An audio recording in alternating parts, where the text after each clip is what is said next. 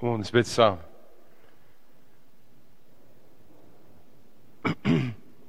Here in verwondering as ons hierdie woorde hoor. Kom ons en kom dankie Here vir dit wat U in ons lewe kom doen. Kom dankie Here dat ons aan U kan behoort. Ons kom dankie Here dat U ons skep, Here. Net 'n klein bietjie minder as die hemelse wese. Here ons kom dankie Here dat ons aan U kan behoort. En ons kom vra Here hier waar ons ook bymekaar is. Here breek die woord vir ons oop. Spreek Here. U kinders luister. Amen. Ons gaan saam lees vanaand in 2 Korintiërs hoofstuk 5 vanaf vers 20 tot by 6 vers 13. In my Bybel is dit op bladsy 245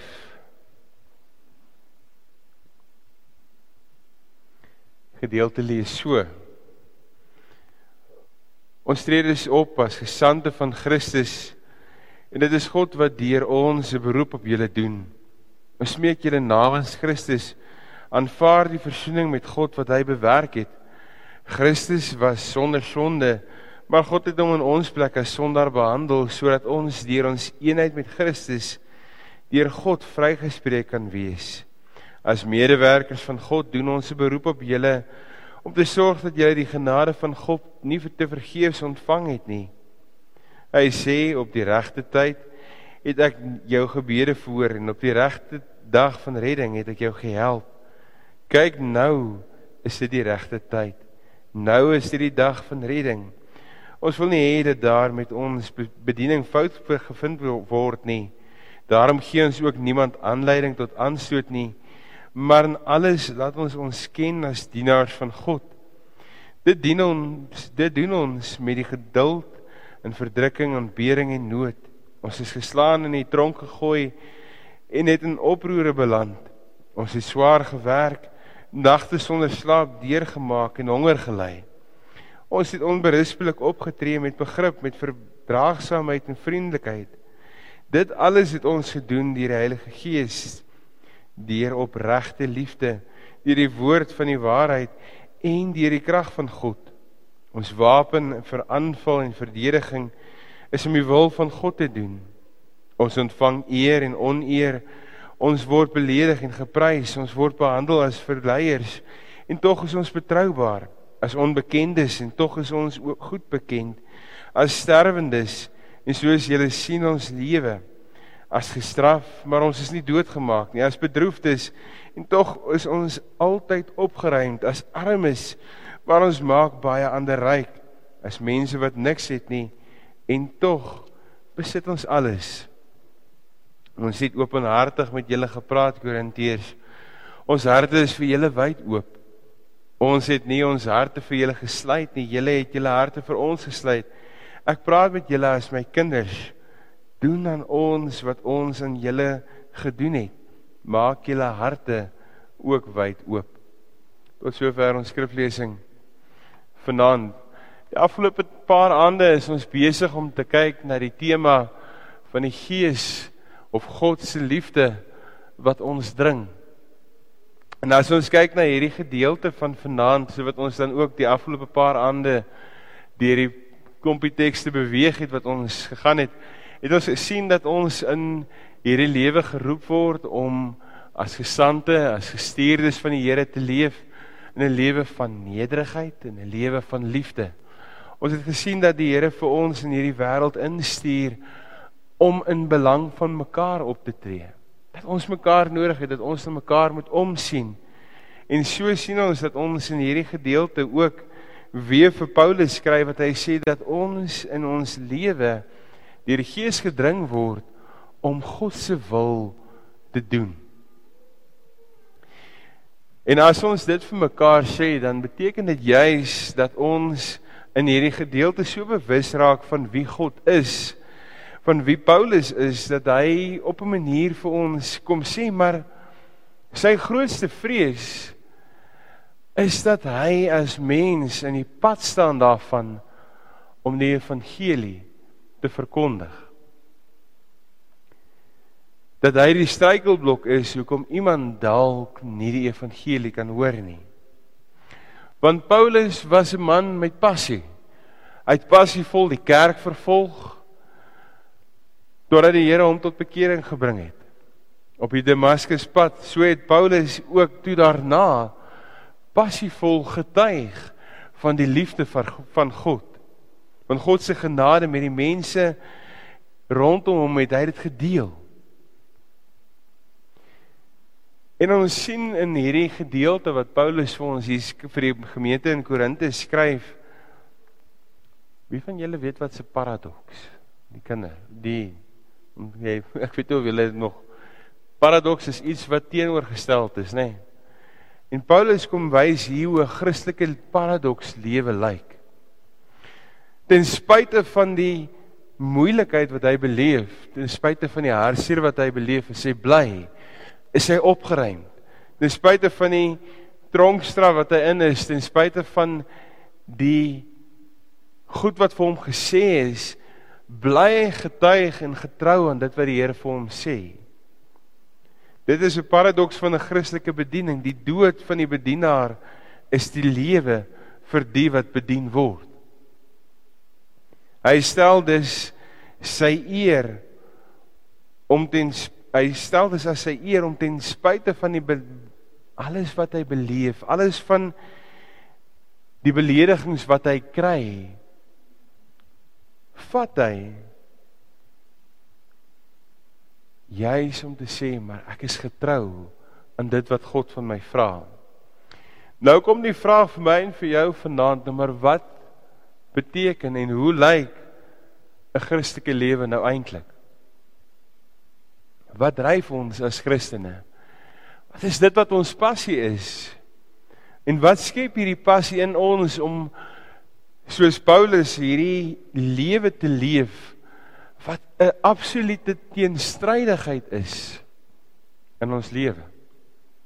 As ons mekaar weer sê ons reaksie as iemand ons te nakom is gewoonlik om daai iemand terug seer te maak of daai iemand terug iets aan te doen. Paulus kom wys vir ons dat as ons nagekom word dat ons in blydskap sê maar ons ly ter wille van Christus. En die woordjie wat vir my nogal redelik hard tref in hierdie gedeelte is die woord te vergeefs.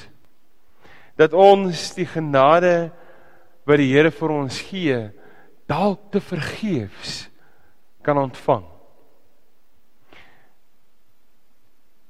En hierdie te vergeefs wys daarna dat ons die gevaar staan om as gelowiges op 'n manier so gewoon te raak in die wêreld dat ons vergeet daarvan om God se wil te doen.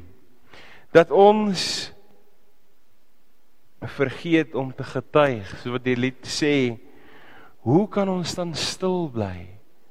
As ons kyk na hierdie wêreld rondom ons, as ons kyk na dit wat die Here geskep het, as ons kyk na dit wat God gemaak het, hoe kan ons dan stil bly?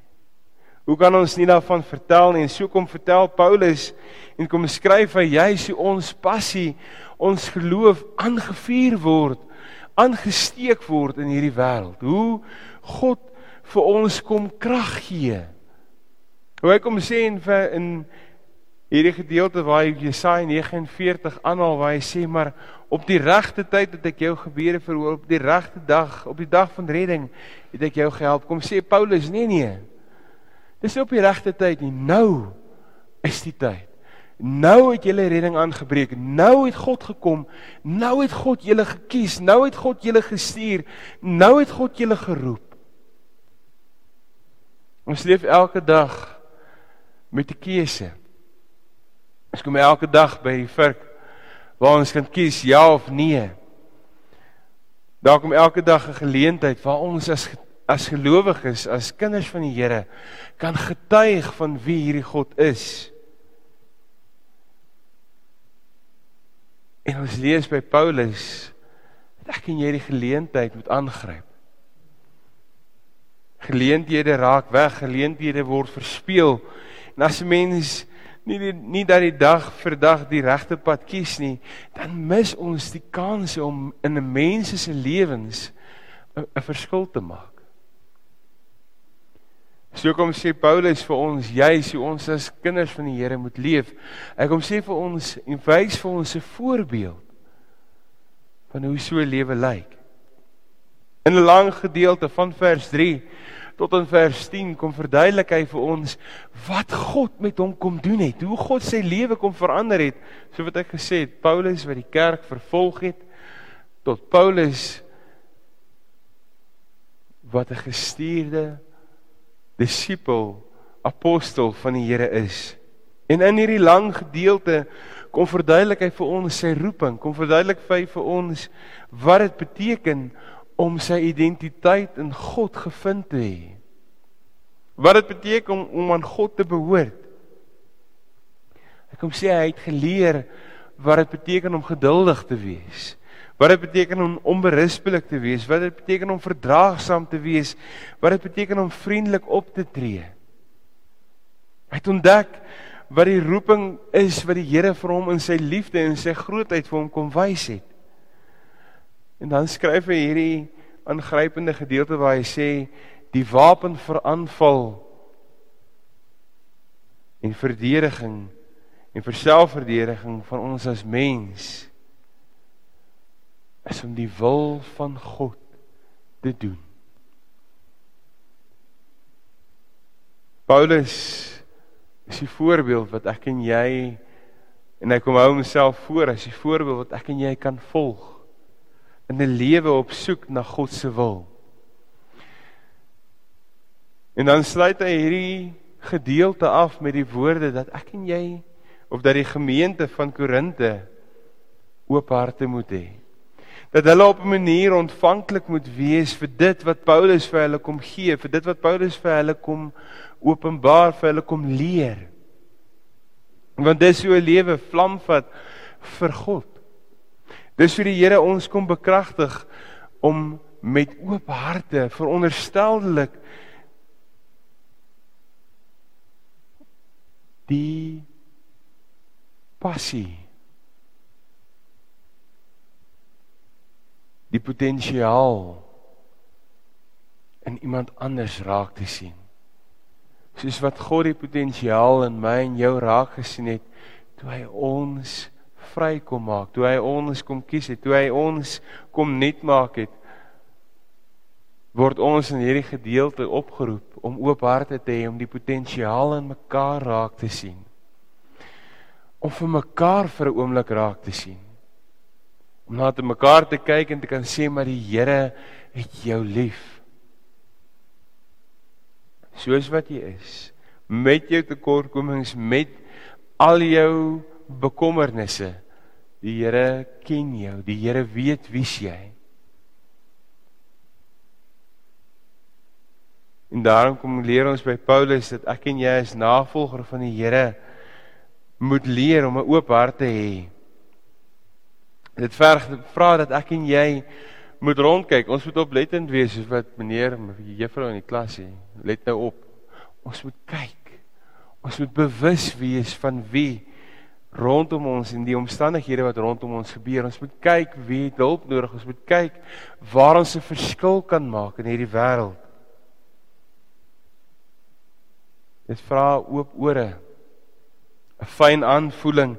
Dit vra dat ek en jy in ons lewensomstandighede ons in ander se situasies kan indink. Soos wat ons ook vir my gisterand vir mekaar gesê het dat ons sal optree in belang van mekaar. Dit vra voete wat loop op 'n moeilike pad. Dit vra dienende hande wat gaan help. Dit vra dat ek en jy ons geloof agter God aan verskil sal leef wat hy vra. Mag ek en jy nie in die pad staan van ons eie roeping nie. Want die Here stuur ons elkeen.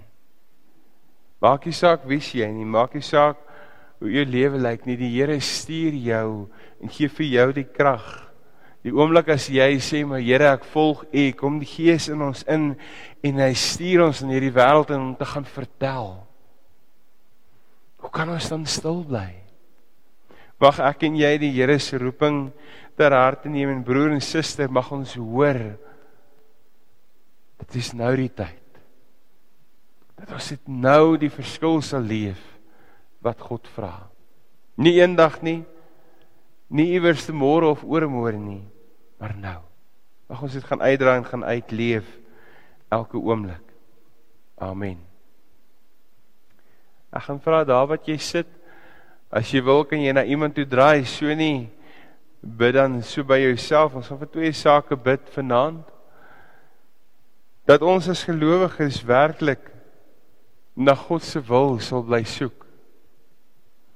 En dan die tweede ene is dat ons sal volhard in ons geloof.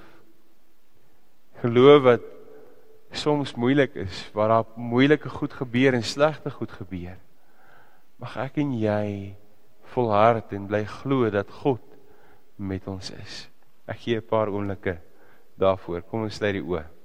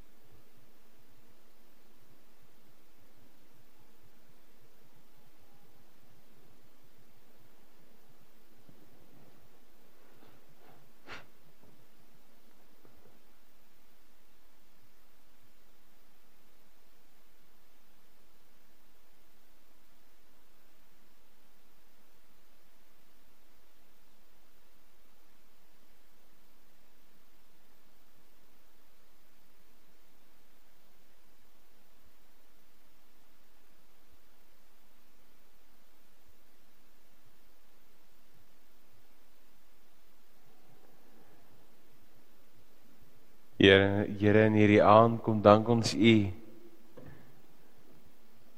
vir U grootheid. Ons kom dankie Here dat ons aan U kan behoort. Ons kom dankie Here dat ons Here ook in hierdie aand weer kan hoor dat U ons in hierdie wêreld instuur. Here dat as daar slegte goed gebeur, as daar as ons lei Here dat ons ook weet Here dit is nie te vergeefs nie. Dis nie verniet nie Here maar dankie Here dat ons kan lewe tot eer van U. Ons kom bid Here ook so dat ons as U kinders Here altyd U wil sal soek. Here dat ons nie die geloof oor ons sal maak, die Here, maar dat ons in die verhouding wat ons met U wil laat groei, Here, altyd sal soek na dit wat U van ons vra. En Here, as die pad moeilik raak, is dit wat voor lê moeilik is, hierdie geloofspad, die keuses wat ons moet maak, moeilik is. Here, dat ons op U sal vertrou. Here dat ons sal volhard, Here, Here dat ons ons geloof sal uitleef in 'n wêreld vol verleiding en 'n wêreld vol moeilike goed wat gebeur. Om vra ek U, Here, gee Here dat ons sal vashou aan U. En nie sal stil bly nie. Want nou is die tyd Ons kom bid dit en ons kom vra dit Here in U naam. Amen.